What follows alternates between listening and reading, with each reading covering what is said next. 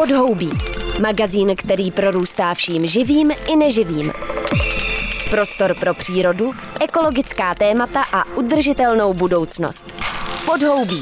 To je útěk do divočiny Ondry Šebestíka na rádiu Wave. Minulém podhoubí nás Krištof Stupka vzal na klimatickou konferenci OSN COP27 do Egypta. S chodou okolností nedlouho na to odstartovala podobná konference, tentokrát zaměřená na biodiverzitu a to COP15 v Montrealu. Jde o setkání zastupitelů 196 zemí světa na půdorysu Spojených národů, které má narýsovat podobu závazků a opatření, jež by ochránili trpící ekosystémy po celém světě. Konference začala 7. a končí 19. prosince a já jsem den po zahájení mluvil s českým zástupcem přímo v Montrealu Ladislavem Mikem. Ladislav Miko je vystudovaný pedolog a ekolog, bývalý ministr životního prostředí a současný poradce ministra životního prostředí. Jako vládní zmocněnec stojí v důsledku českého předsednictví v Radě Evropské unie přímo v čele vyjednávání za celou Evropskou unii.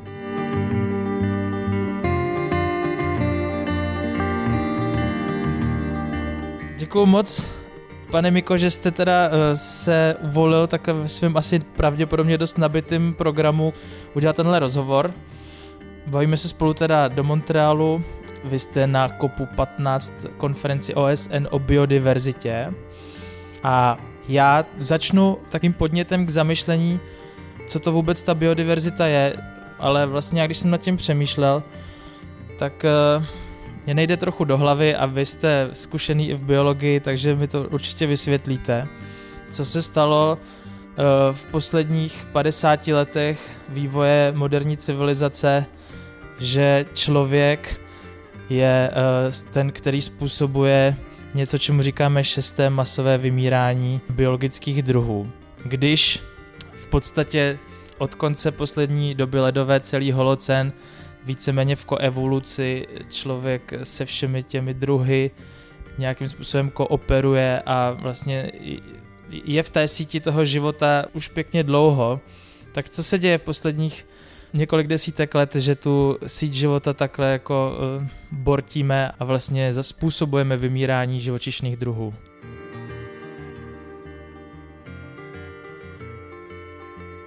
Tak eh, já musím začít tím, že Samozřejmě je to tak, že ten vztah mezi člověkem a ostatní živou eh, biosférou je velmi dlouhý a nějakým způsobem se eh, začal výrazně člověk eh, podílet na změnách okolo sebe už v době, kdy začal být zemědělcem, čili to už je více než 5-6 tisíc let zpátky. Nicméně to, co se stalo, je, nejdřív průmyslová revoluce, kdy jsme začali ve velkém používat právě fosilní paliva, velká industrializace, taková ta veliká vlna znečišťování, která s tím souvisela. A poté, co jsme si tohle uvědomili a začali jsme vlastně tyto věci nějakým způsobem řešit, tak zhruba před těma 50-60 lety přišlo období, kdy jsme začali dramaticky eh, intenzifikovat. To znamená, dokud náš vztah s tou přírodou byl extenzivní, eh, tak jsme žili více méně v souladu s ní mimo ta průmyslová centra. Ale v momentě, kdy dramaticky narostla lidská populace po celém světě a kdy jsme začali řešit zejména teda dostatek potravin, Eh, tak jsme přešli postupně eh, na intenzivní zemědělskou výrobu. Souvisí to taky samozřejmě s objevem dusíkatých hnojiv a další věci. A ta vysoká intenzita působení eh, vlastně způsobuje to, že vytlačujeme přírodu ze svého okolí a upravujeme si to prostředí, aby dodávalo to, co nejvíc chceme. To znamená třeba ty potraviny zrovna a na velikých plochách, v podstatě po celém světě, Eh, zjednodušujeme ty ekosystémy a do značné míry je i, eh, já říkám, banalizujeme, to znamená, že eh, máme jenom druhy, které v těch podmínkách dokážou přežít, většinou ještě v menších počtech a na mnoha místech jsou to ty stejné nebo velmi podobné druhy. Takže my jsme v zásadě velmi intenzivním přístupem k využívání krajiny zlikvidovali ta místa, kde můžou druhy přežívat v té velké pestrosti, protože jednak nemají podmínky a jednak jsou permanentně pod tlakem právě těch lidských kroků. To znamená, že není problém to, že jsem se narodil jako člověk, jakožto jeden z, z přírodních druhů, ale je problém způsob, jakým hospodaříme těch posledních pár desítek let. Protože třeba česká krajina a její biodiverzita je skoro přímo navázaná na extenzivní hospodaření člověka v krajině. Je to tak. Eh, ve skutečnosti eh, by se dalo říct samozřejmě, že to není tím, že jsme lidé, protože lidé žili eh, po větší část své evoluce de facto v harmonii s přírodou, ale právě to, jak k tomu přistupujeme v těch posledních několika dekádách nebo půlstoletí, eh, je dost zásadně jiné. A eh, ano, je pravda, že dokonce když se podíváme na českou krajinu, což může sloužit jako docela dobrý příklad eh, i toho obecnějšího pohledu, tak tady máme nějaké zbytečky, nějaké, řekněme, 10-15 eh, eh, přírody opravdu zachovalé, to znamená toho, co tam původně bylo v relativně, řekněme, dobrém stavu. A to je určitě ta část, která člověkem není moc pozměněná a tudíž jako zasluhuje ochranu jako taková. Ale pak tady máme vlastně celý ten zbytek krajiny, kde lidé žijí, kde hospodaří a kde po staletí, dá se říct, vytvářeli tu krajinu do té, eh, té harmonické, ladovské nebo prostě jiné krásné krajiny, kterou máme na mysli, když mluvíme o domově nebo o krajině domova, která je extenzivní, kde mají místo meze, remísky, sady, eh, malé chlumy, hajky a tak dále. Velice pestrá mozaika biotopů, která umožnila dlouhodobě eh, přítomnost velkého množství druhů a velmi často i druhů, které by normálně v krajině třeba, která by byla celá porostlá lesem, nebyla. Takže dá se říct, že člověk opravdu tím hospodařením přispěl k její vyšší diverzitě a k vyšší biodiverzitě. A kdyby jsme udrželi ten vztah a chování v krajině dál, tak by byl dobrý důvod věřit, že ta biodiverzita se ztrácet nebude. Ale právě tím, že jsme přešli na ty velké lány, na to průmyslové zemědělství, do značné míry i na, řekněme, eh, průmyslové nebo velkokapacitní eh, pěstování dřeva, tak jsme právě to, co jsme po staletí vytvářeli, do značné míry začali ztrácet. Tak a teď se přesuneme do toho měřítka globální konference, na které jste momentálně v Montrealu.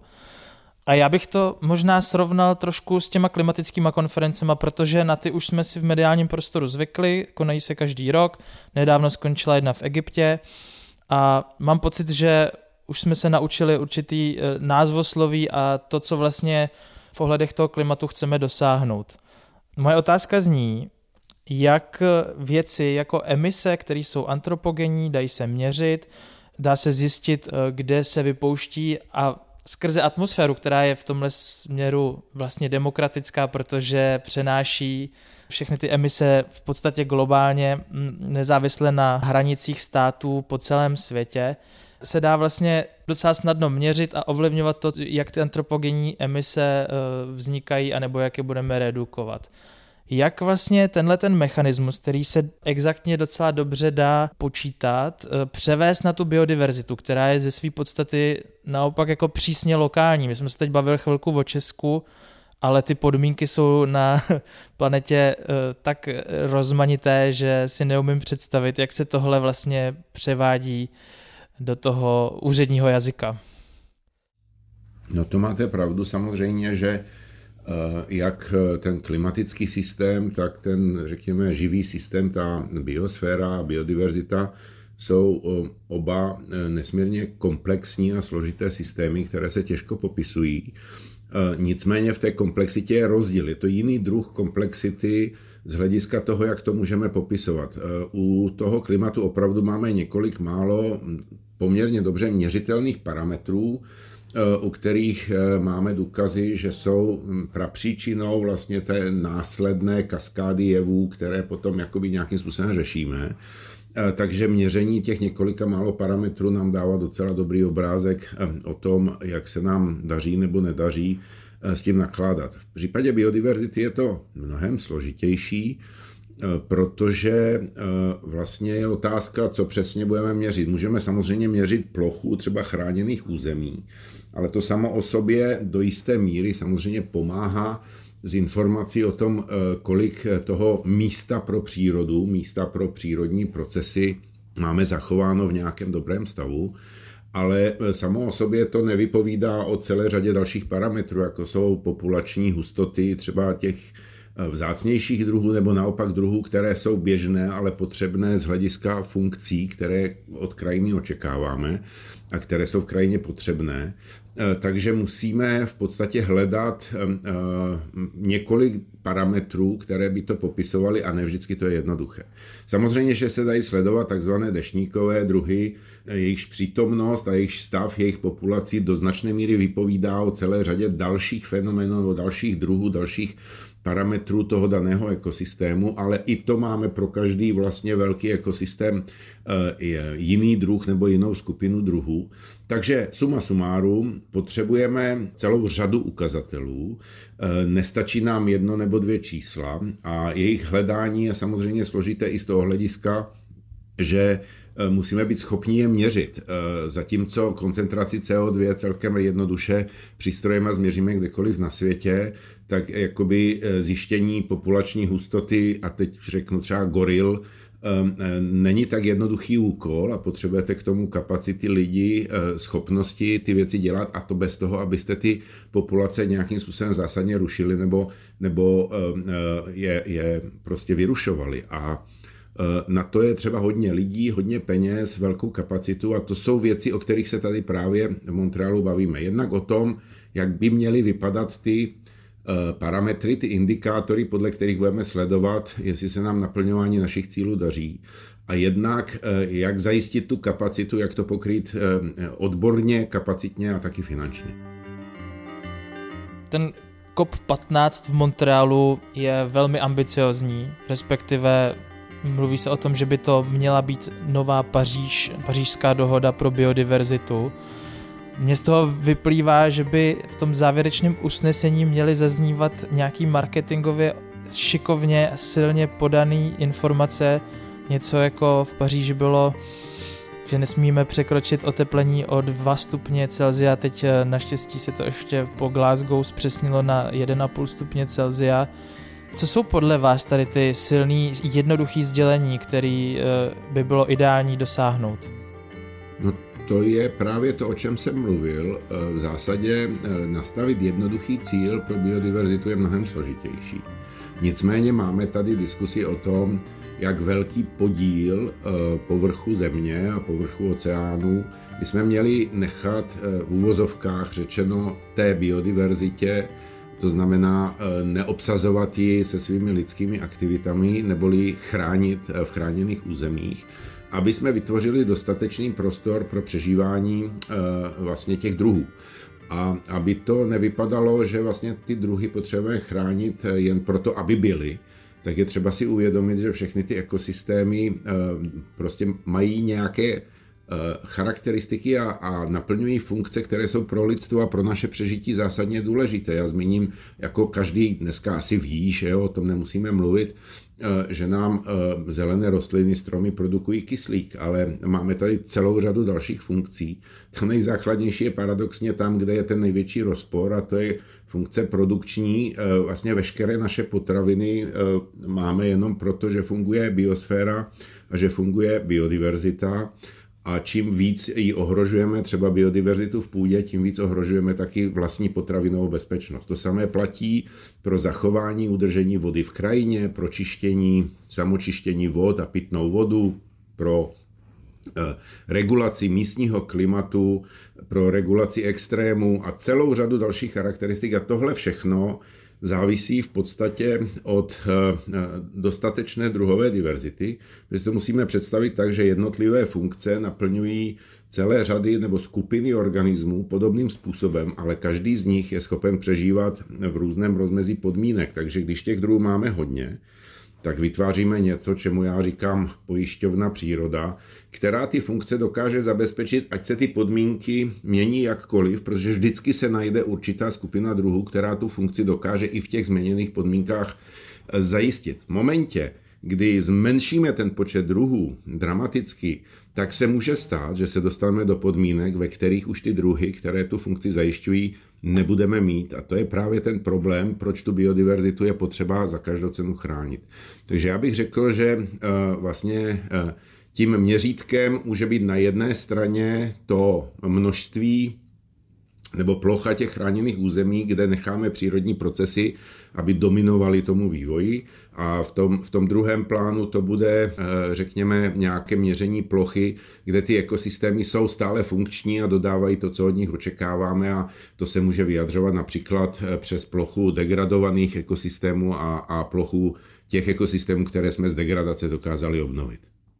V Montrealu jsou zástupci asi 196 států, kteří jsou v OSN. My se spolu bavíme asi druhý den po zahájení konference. Čeká vás ještě skoro 14 dní vyjednávání a vy stojíte přímo v čele vyjednávačů Evropské unie, protože to tak vyšlo eh, s předsednictvím České republiky v Radě Evropské unie. Jaký je to pocit? Je to velký tlak, nebo je to radost, nebo jak vlastně tam eh, fungujete? No tak První reakce by byla asi, že člověka to těší, že u toho může být, ale ten převládající pocit je teda jako obrovská zodpovědnost. Uh, ono to je totiž strašně komplikované domluvit se se 190 státy světa na něčem smysluplném, tak aby to všichni v uvozovkách koupili a byli ochotní taky uvádět v život. A eh, Evropská unie se svými 27 zeměmi tady tvoří v podstatě jednu sedminu nebo šestinu Eh, přítomných a to znamená, eh, od ní se strašně moc očekává. Jsme vnímáni, myslím, právem jako světoví lídři v této problematice, ale současně jsme vnímáni jako ti, kteří eh, přinášejí příliš velké nároky na celou řadu zemí světa a oni si těžko dokážou představit, že by dokázali věci, o kterých my jsme schopni se v Evropě bavit. Takže to vyjednávání je skutečně o tom na jednu stranu, aby jsme dokázali najít model, který bude mít konkrétní efekt, to znamená opravdu přispěje k tomu, že přestane nám ubývat biodiverzita, a na druhou stranu, který bude přijatelný a který budou schopny všechny země světa opravdu uvádět do života. To je samozřejmě extrémně těžký úkol. No, jak jsem přemýšlel nad tím, že kdyby takováhle česká delegace byla v čele vyjednávání na klimatické konferenci, tak bych zase takovou radost neměl v tom smyslu, že nejsme úplně příkladná země, co se týče mitigace, a toho, jak máme nastaveny závazky ohledně e, zbržďování klimatické změny. Ale zrovna v ochraně přírody, a myslím teď teda konkrétně územní ochranu přírody, tak tam jsme na tom vlastně velmi dobře, co já mám e, informace od lidí, kteří se ochranou přírody e, zabývají celý život, takže mám pocit, že jsme v tuhle chvíli na pravém místě. Vnímáte to tak, že máme nějakou zkušenost, kterou můžeme šířit? No rozhodně je to tak, že patříme mezi části světa, kde ta ochrana přírody má nejenom eh, dlouhou tradici, ale i velice slušné výsledky přes ty všechny složitosti a domácí diskuse, které vedeme a musíme vést máme být i na co hrdí, máme i e, dost e, zkušeností s různými problémy, se kterými se můžeme podělit se zbytkem světa, takže v tomto smyslu určitě. Ale já bych trošku reagoval na to, e, do jaké míry jsme byli nebo mohli být lídry i na té klimatické konferenci, protože to je tady podobné. Musíme si uvědomit, že Česká republika tady sice vede a koordinuje evropskou delegaci, ale že tady zastupuje celý evropský prostor, to znamená vlastně tady prezentujeme, obhajujeme a vyjednáváme společné stanovisko zemí Evropské unie. A když se na to podíváme z tohohle hlediska, eh, tak jsme v klimatu úplně stejně na špici toho světového pelotonu jako v té biodiverzitě. To znamená, že můžeme opravdu, myslím právem, a je to tady i jakoby rozpoznáno a uznáváno, se považovat v těchto oblastech za lídry a z toho taky plyne ta vysoká důležitost vlastně té evropské delegace na obou jednáních.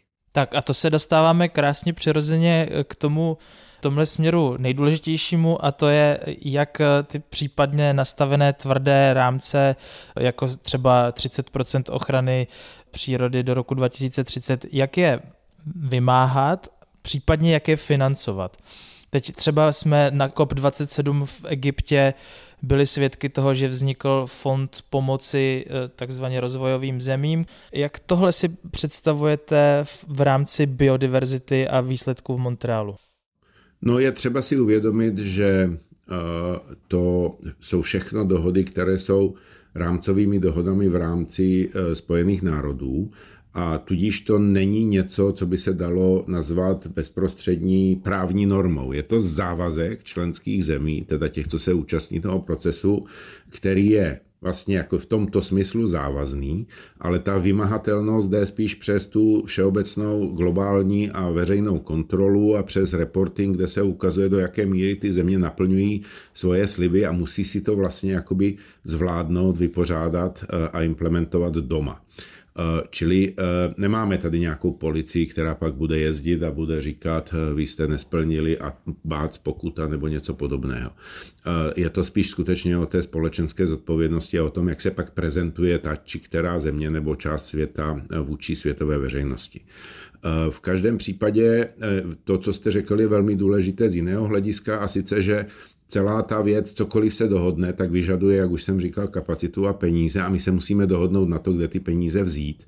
A takže se tady samozřejmě diskutuje, to jeden z úhelných kamenů celé dohody, eh, jakým způsobem se bude biodiverzita financovat a musí se brát do úvahy, že těch nároků a tlaků na rozvinutý svět, aby financoval tyto aktivity v zemích rozvojových, kde těch peněz není dost, je prostě obrovský. Ale že my eh, samozřejmě i v tom rozvinutém světě máme svoje problémy, probíhá krize energetická, řešíme klima, spoustu dalších věcí. Takže ta diskuse zase je poměrně těžká a hledáme zdroje které nepůjdou jenom z veřejných rozpočtů, ale které půjdou taky z, z jiných zdrojů, ať už to je, ať už to je biznis, ať už jsou to mezinárodní eh, finanční instituce a podobně. A druhá linie hledání zdrojů je v tom, že celá eh, velk, velká, řekněme, struktura, kterou tady máme, globální environmentální fond, zelený fond a tak dále, eh, jsou místa, kde peníze jsou, ale je velmi těžké se kvalifikovat nebo, nebo napsat projekt nebo udělat postupovat tak, aby se eh, ty země, které to potřebují, k těm prostředkům dostaly. Čili i to zjednodušení postupu, jak využít stávající peníze, by značně pomohlo a to je taky předmětem diskusí tady. Tak jo, pane Miko, děkuji moc za váš čas, eh, hodně štěstí a sil do vyjednávání. Děkuji moc a děkuji za pozvání a zdravím posluchače.